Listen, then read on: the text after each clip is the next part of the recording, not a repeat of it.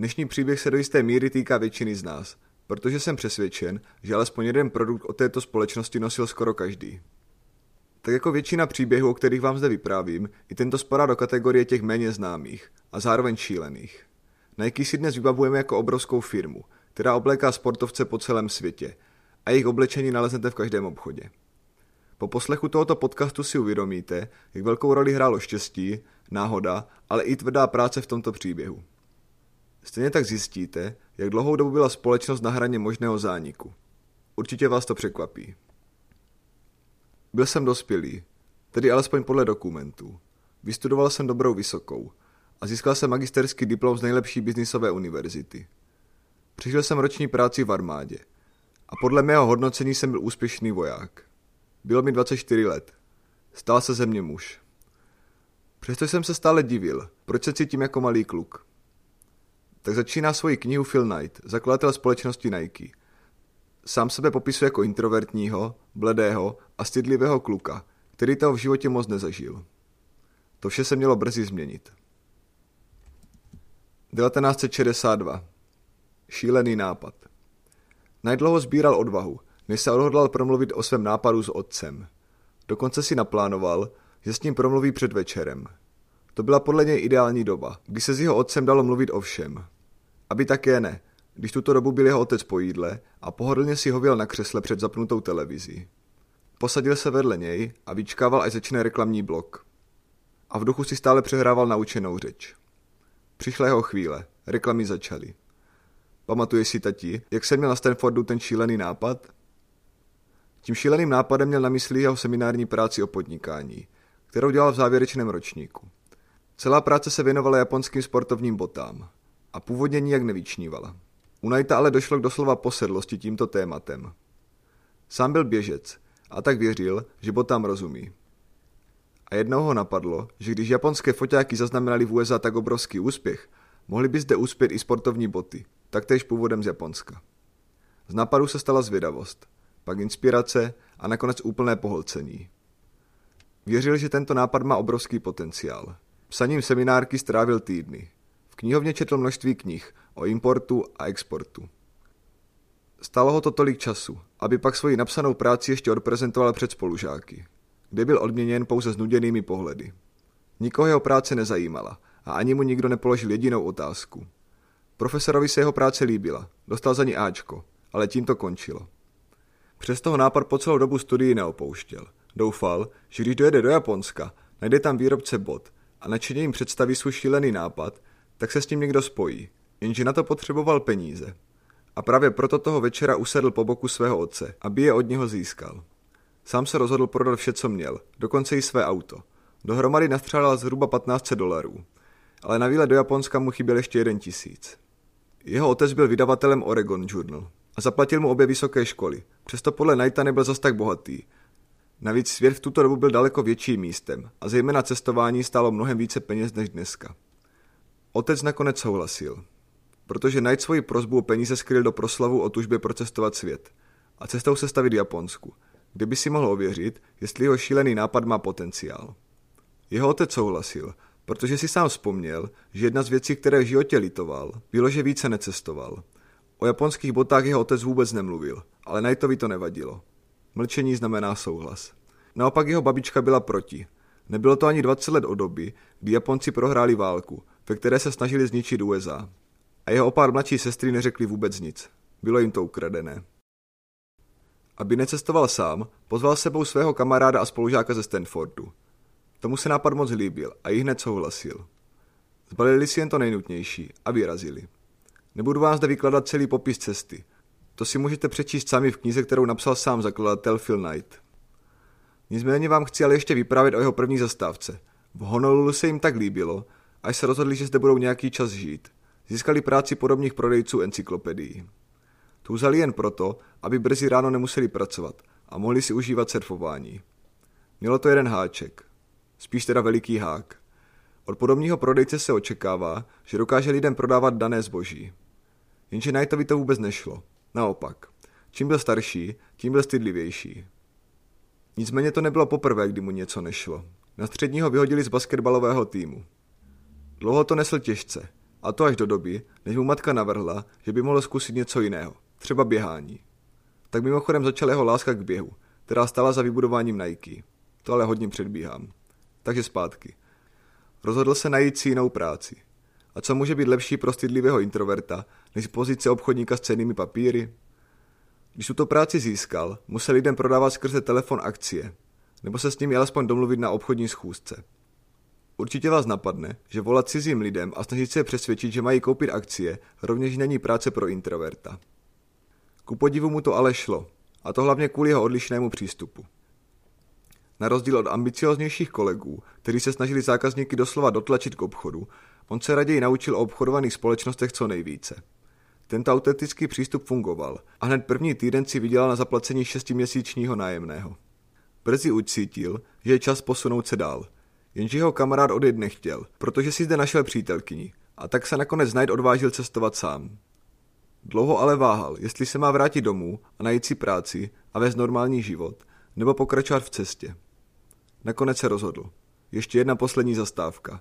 Nasednul do letadla směr Japonsko. V nočním Tokiu na cestě do hotelu byla tma. Taxikář mu špatnou angličtinou řekl. Válka. Hodně budov pořád bomba. Ráno se zbudil do ostrého světla. Když se podíval z okna, viděl budovy poničené od bomb. Došlo mu, že ubytování leží v nějaké průmyslové zóně, které čelili náletům nejvíce. Naštěstí ho otec znal pár lidí, kteří pracovali v Japonsku. Najď se tedy zbalil a vyrazil za nimi. Když za nimi dorazil a sdělil jim svůj šílený nápad, tak z něho moc unesení nebyli. Ale vzpomněli si, že znají dva bývalé vojáky, kteří vydávají vlastní časopis Importer. A doporučili mu, ať se s nimi poradí dříve, než udělá nějakou hloupost. Tito dva bývalí vojáci byli první, kdo projevil o jeho nápad skutečný zájem. Zeptali se ho, jestli má v hlavě představu o nějaké konkrétní značce, kterou by chtěl do Ameriky dovážet. Řekl jim, že se mu líbí společnost Tiger, manufaktura, která sídlila v městě Kobe. Novináři mu dali pár rad, jak probíhá japonský biznis a najď vyrazil do Kobe, aby se zde setkal se zástupci této malé firmy. Schůzku měl domluvenou na ráno, jenže si popletl adresu a místo do továrny dorazil do předváděcí prodejny, která byla na opačném konci města. Nezbývalo mu nic jiného, než chytit taxík a spěchat tam. Po seznámení se se zástupci společnosti následovala prohlídka továrny. Z ní byl Knight unesený. I když věnoval dlouhý čas psaní seminárky o botách, tak o jejich produkci vlastně věděl jen málo. Například, když mu zástupci řekli, že zde vyrobí 15 000 párů pod měsíčně, tak odpověděl. Působivé. Ale netušil, jestli je to moc nebo málo. Prohlídka se chýlila ke konci. Pomalu se ubírali do zasedací místnosti, kde měl nastat okamžik pravdy. Najít se na svůj projev připravoval dlouho. Přesto byl stále nervózní. Nepamatoval jsem si, co jsem chtěl původně říct, nebo dokonce proč jsem tam byl. Rychle jsem se párkrát nadechl. Vše záviselo na využití této příležitosti. Všechno. Kdybych to pokazil, byl bych odsouzený strávit zbytek života jako prodejce encyklopedií, různých spořících fondů nebo jiných věcí, které mě byly ukradené. Byl bych ostudou pro mé rodiče, moji školu, moje město, ostudou pro sám sebe. Tak na tento okamžik vzpomíná Phil Knight. Nadechl se a chtěl začít mluvit, když tomu do řeči skočil Japonec a řekl, pane Knighte, pro jakou společnost pracujete? O ano, dobrá otázka, odpověděl. Zatímco mu srdce bušilo jako o život. Vzpomněl si na svůj dětský pokoj, kdy mimo jiné měl pamětní modré stojí za účast na běžeckých závodech. A vystřelil. Zastupuji Blue Ribbon Sports of Portland. Japonci se usmáli a začali kývat hlavou a opakovat Blue Ribbon, Blue Ribbon. Tomu dodalo trochu klidu a pokračoval ve svém předem naučeném projevu. Americký trh je obrovský a navíc neobsazený. Pokud dokáže Onizuka, což byla společnost, která boty Tiger vyráběla, dostat své boty do amerických obchodů a nacenit je tak, aby stály méně než Adidas, mohla by velmi profitovat. Dále sypal z rukávu čísla a údaje, nad kterými trávil týdny života na Stanfordu. Japonci byli ohromení. Na konci jeho prezentace začali mezi sebou vášnivě diskutovat. Pak se najednou zvedli a odešli. Knight zůstal v místnosti sám a netušil, co se děje, jestli se jedná o japonské ukončení neúspěšné schůzky a má tedy odejít, nebo jestli se Japonci vrátí. Nakonec se skutečně vrátili a přinesli sebou tři páry bot. Jeden z párů byl určený pro diskaře a nazvali ho jako throw up, co se česky dá přeložit jako zvracet. Říkal jsem si, hlavně se nesměj. Napsal o této vzpomínce najít. Ukázalo se, že o vstupu na americký trh přemýšleli už dlouho a začali se naopak o ní ho vyptávat, jak americký trh funguje. Jim řekl, že sportovní trh s obuví může dosahovat velikosti 1 miliarda dolarů. Japonci žasli a sami se zeptali, jestli by měl Blue Ribbon zájem o zastupování jejich značky na americkém trhu. Jen pro zajímavost. Phil Knight do dnešního dne netuší, z kama ona jedna miliarda dolarů pochází. Zřejmě ho to napadlo v přítomném okamžiku. Knight si vybral jednu botu s názvem Limber Up a dohodl se s nimi, že mu pošlou vzorek bot a on jim obratem pošle objednávku za 50 dolarů. Ano, 50 dolarů. Rovnou ze zasedací místnosti spěchal na poštu. Skama poslal dopis svému otci, ve kterém stálo. Drahý tati, pošli prosím 50 dolarů na účet společnosti Onicuka. V hotelu přemýšlel, jestli má rovnou spěchat do Oregonu a rozjet podnikání, nebo jestli má pokračovat v cestování. Nakonec se rozhodl cestovat a navštívil mnoho zemí a kontinentů. Od Ázie, přes Evropu až po Afriku. V den svých 25. narození se vrátil domů, zarostený dlouhým vousem a z vlasy až po ramena. 1963. Ani po měsících, které trávil cestováním, jeho boty nepřišly. Poslal do Japonska dopis a dostal strohou odpověď. Boty jsou na cestě. Trvalo to až do následujícího roku, než mu boty skutečně přišly. Mezitím si na radu svého známého udělal další vysokoškolský kurz a získal práci v účetnické firmě. Když boty přišly, v krabici bylo 12 párů a podle Knighta byly nádherné. Dva páry i hned poslal svému trenérovi ze školy, Billu Bavermanovi. Ten byl obuví sportovců rovněž posedlý a svým svěřencům často boty kradl a potají je předělával a upravoval. Knight vzpomíná, že na těchto upravených botách jste buď běžel jako zajíc nebo krvácel. Jeho trenér se snažil boty co nejvíce odlehčit. Zároveň také co nejvíce spevňoval, protože byl přesvědčený, že každý ušetřený gram se při delším běhu projeví na ušetřené energii. Shodou okolností měl Baverman a jeho tým naplánovaný na příští týden let do Oregonu, kde se konaly závody. A tak napsal Knightovi, že ho zve na oběd do hotelu, kde budou ubytovaní. Po klábosení o životě a popisu všeho, co Knight procestoval, najednou jeho bývalý trenér přišel k věci. Ty japonské boty jsou hodně dobré. Co kdybych s nimi pracoval společně s tebou? Knight moc nechápal, ale po chvíli mu došlo, že Baverman chce společně s ním obchodovat s Japonci. Phil Knight byl nadšený, protože původně doufal, že si od něho Bavermanův běžecký tým koupí několik párů bot. Obchodní partnerství nedoufal a nadšeně souhlasil. Dohodli se na podílu 50 na 50. Každý z nich měl vložit 500 dolarů do první objednávky bot. Baverman trval na to, že smlouvu jejich partnerství uzavře jeho kamarád právník. Knight souhlasil a na schůzce mu nakonec nabídli, aby to byl on, kdo vlastní většinu společnosti, tedy 51% pro Knighta a zbytek pro trenéra. Následující den napsal dopis Onicuce, že chce od nich 100 párů bot za 3,3 dolarů za kus. Byl tu ale problém. I když potřeboval jen 500 dolarů, tak to bylo více než měl. Za kým se tedy opět vydal? Ano, za svým otcem. Ten ale tentokrát už nesouhlasil, protože podle jeho slov neplatil si nový dvě vysoké školy proto, aby se z něho nakonec stal podobný prodejce bot. Je dobré si říci, že když to vypadá, jako by byli Knightovi bohatá rodina, tak oba jeho rodiče pocházeli z chudých poměrů. A jen díky tvrdé práci se jeho otec stal úspěšným. Jeho matka byla jako on, introvertní a uzavřená. Přesto věděla, jak by mohla svému synovi pomoci. Když mu otec odmítl půjčit peníze, došla za ním a nahlas, tak aby to otec slyšel, řekla, že by si od něj ráda koupila jeden pár bot. Nakonec se mu otec rozhodl půjčit rovnou jeden tisíc dolarů. Podle Knighta hlavně proto, aby se kvůli tomu s manželkou nehádali. První objednávka, na rozdíl od vzorku, přišla brzy.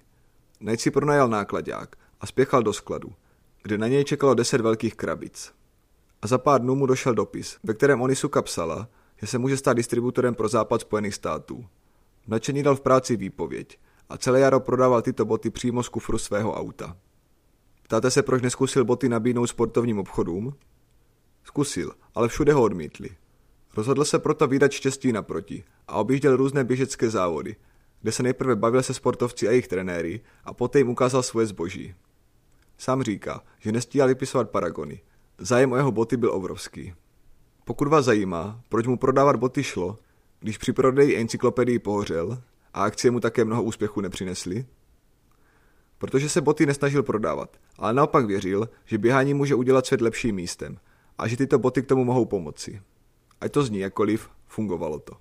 Postupně mu dokonce začali zákazníci sami volat a psát a chtěli po něm nové tajgry. A šlo to ještě dál. Dokonce začali chodit k němu domů. To se jeho otci moc nelíbilo, protože většinou tito zákazníci chodili večer a bez pozvání.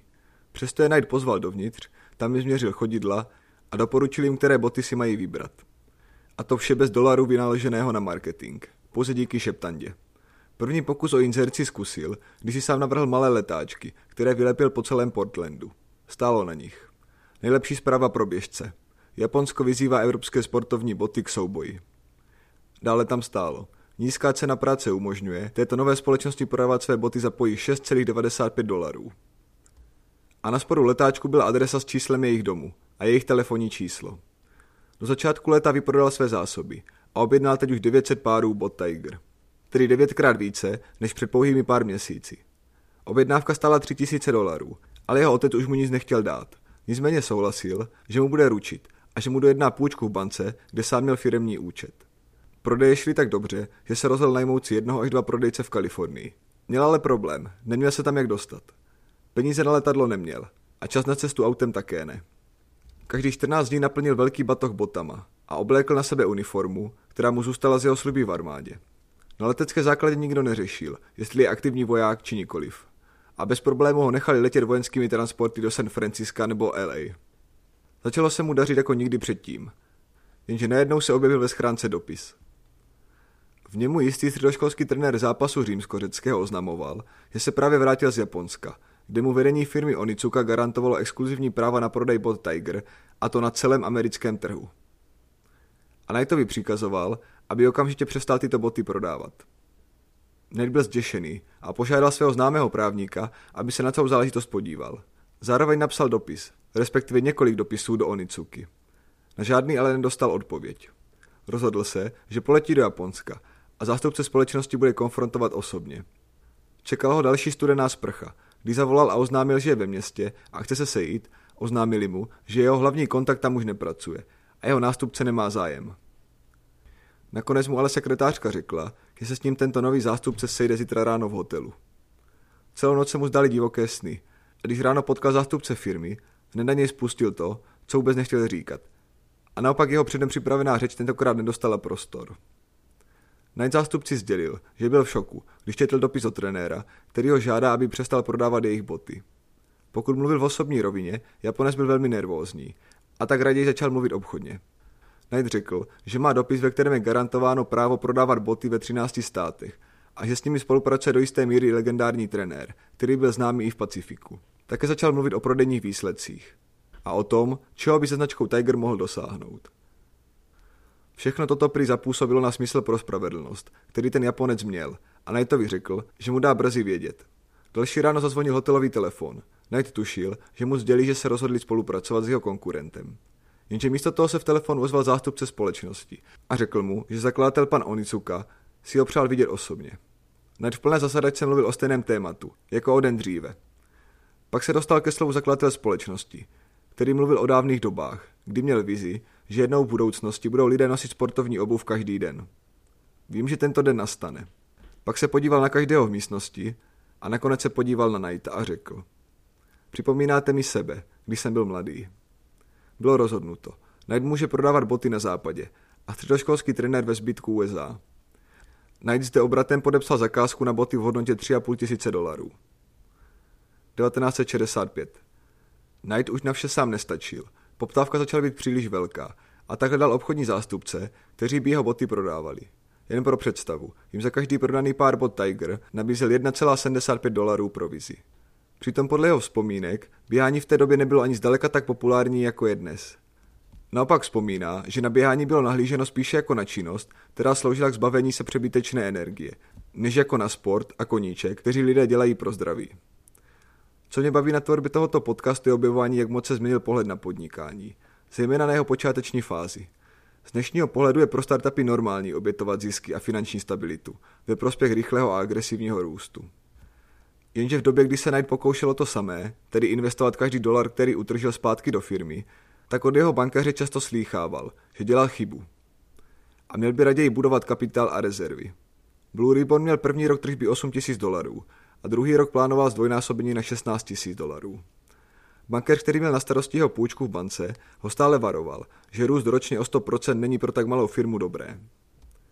Přesto si Knight stál za svým. Věřil, že musí co nejrychleji růst, jinak je tu riziko, že Japonci dají práva k prodeji bod někomu jinému a jeho firma tak skončí. Nakonec se rozhodl, že si raději najde zaměstnání, ze kterého bude Blue Ribbon financovat. Stal se účetním a značnou část peněz posílal do firmy, aby budoval kapitál a jeho bankéř mu dal konečně pokoj. Pokud si říkáte, proč tedy nešel k jiné bance, když mu tato nevyhovovala, tak proto, že v tu dobu byly v Oregonu jen dvě. Jedného žádost zamítla a tak mu nezbylo nic jiného, než zůstat v té druhé. Navíc nebylo možné mít účet v jiné bance, než v místě bydliště. Také vám možná v příběhu chybí zmínka o Bavermanovi, trenérovi, který se spojil s Knightem. Na olympiádě v roce 1964, která se konala v Japonsku, dva z jeho svěřenců získali medaile. Později se spíše než partnerem stal ambasadorem. A to velmi vlivným a přínosným. Dokonce když naštívil továrnu Onicuki, dostalo se mu výjimečnému přivítání a také schůzky s jejím zakladatelem. Oba si velmi brzy začali dobře rozumět. Baverman poté často do továrny zasílal své připomínky, co by na botách šlo vylepšit. Například vytvářet boty jinak pro Američany a Japonce. A to díky odlišným tělesným konstitucím. Ale i přes jeho až přátelský vztah se zakladatelem Onicuki mu ani na jeden z těch návrhů nepřišla žádná odpověď. Ukázalo se, že Japonci, když jste s nimi nejednali osobně, neměli tendence cokoliv měnit a řešit. Baverman se nevzdal a psal více a více dopisů, a to až do doby, než prototypy podle jeho návrhu skutečně vyrobili. Ukázalo se, že tyto nové boty měly něco do sebe a jeho svěřenci, kteří je obovali na závodech, poráželi protivníky. 1966. Blue Ribbon otevřel svůj první obchod v Santa Monice, kde prodával boty Tiger. Celý příběh k tomu došlo vám nepovím, protože se jedná o docela šílený popis stavu mezi Philem Knightem a jeho prvním prodejcem Johnsonem. Celý popis by zabral hodně času a asi ani zdaleka by nešel tak dobře popsat. Přesto se krátce pokusím nastínit, jak k tomu došlo. Johnson často Knightovi posílá dlouhé dopisy. Když říkám často, tak myslím jako hodně často, ve kterých psal o všem možném. Knight mu na ně nikdy neodepisoval. Přes tu jednu výjimku udělal, a to, když mu napsal, že pokud do konce června prodá přes 2,5 tisíce párů bot, dovolí mu, aby otevřel prodejnu, u které tento prodejce snil. Ale jak říkám, celý jejich vztah a komunikace je daleko složitější a zajímavější, takže pokud vás to zajímá, tak se o ní můžete dočíst v knize. Když dostal Johnson prostor pro prodejnu, neměl žádné peníze na vybavení a tak chodil po výprodejích a hledal co nejlevnější křesla. Police vytvořil sám, stejně jako design a veškeré další vybavení. Najc se chtěl do prodejny podívat, jenže mu na to nevycházel čas. V té době měl jednu práci, staral se o Blue Ribbon a ještě k tomu složil 14 hodin měsíčně v zálohách americké armády. Nakonec se mu přeci jen podařilo navštívit prodejnu, jenže celý zážitek zastínili obavy prodejce, který Knightovi sdělil, že od svých zákazníků slyšel o možnosti koupit Tigery z jiného zdroje. Onen trenér, který prodával boty všude mimo západ, investoval do celonárodní reklamy a začal si brousit zuby i na teritorium patřící Blue Ribbonu. Knight opět letěl do Japonska, a to i přesto, že si musel vybrat veškerou dovolenou, což v USA činilo pouze 10 dní, a navíc si musel na letenku vzít půjčku. Tento rok měl Blue Ribbon tržby 44 tisíc dolarů a další rok očekával 84 tisíc dolarů. Další schůzka v Japonsku a další změna. Předchozí obchodní zástupce byl opět nahrazen jiným. Navíc ani zakladatel neměl čas. Najc se tak ocitl bez jediného alespoň minimálního spojence. Šel rovnou na věc a řekl, že by se chtěl Blue Ribbon stát exkluzivním distributorem Onicuki pro celé Spojené státy. Japonec mu odpověděl, že to nepůjde, protože jeho firma je moc malá a nezvládla by celou oblast. Navíc prý chtěli někoho, kdo bude mít zkušenosti na východním pobřeží. Knight řekl, že oni přece mají zkušenosti. V tu dobu působili na východu i západu a řekl, že plánují vstoupit i do středu. To mění situaci, řekl Japonec. A dodal, že si to promyslí. Druhý den dostal papír, ve kterém stálo, že Blue Ribbon je exkluzivním prodejcem Tigeru pro celé Spojené státy, a to na tři roky. Rovnou objednal dalších 5000 párů bot, které stály 28 000 dolarů. Dolarů, které neměl. Onicuka jeho zásilku potvrdila a řekli mu, že mu boty pošlou do jeho kanceláře na východním pobřeží. Jenže tu kancelář taky neměl, ale v rámci přežití Ribonu mu nezbývalo nic jiného, než aby lhal. Byla to ultimátní sázka na nejistotu. Pokud by vůbec získal peníze od banky na tuto obří zakázku, tak mu pořád ještě chybělo vyřešit, jak otevřít pobočku na východním pobřeží. Napadl ho jediný člověk, který by do toho mohl jít a který by to mohl zvládnout. Tím člověkem byl první prodejce Blue Ribbonu, Johnson. Konec prvního dílu. V dalším díle budeme pokračovat a věřte, že tento příběh nabíde na obrátkách. Tento risk v porovnání s dalšími je minimální. ale o tom se přesvědčíte sami za týden. Naslyšenou. Partnerem podcastu je Online Logi. Platforma, která propojuje odborníky s jejich klienty. Najdete zde psychologi, sexuologi, vztahové poradce, kouče všech možných zaměření a také výživové poradce. Jak už název napovídá, vše na online lodi funguje online. Vybrat si můžete buď audiokomunikaci, videokomunikaci nebo textovou formu komunikace. Můžete si zde vybrat odborníka přesně podle vašich požadavků, jako jsou specializace, praxe nebo cena. Výhodou je také možnost vystupovat zcela anonymně. Online Logi to je konec strachu z náštěvy odborníků. OnlineLogi.cz Psáno jako online logi s tvrdým i.cz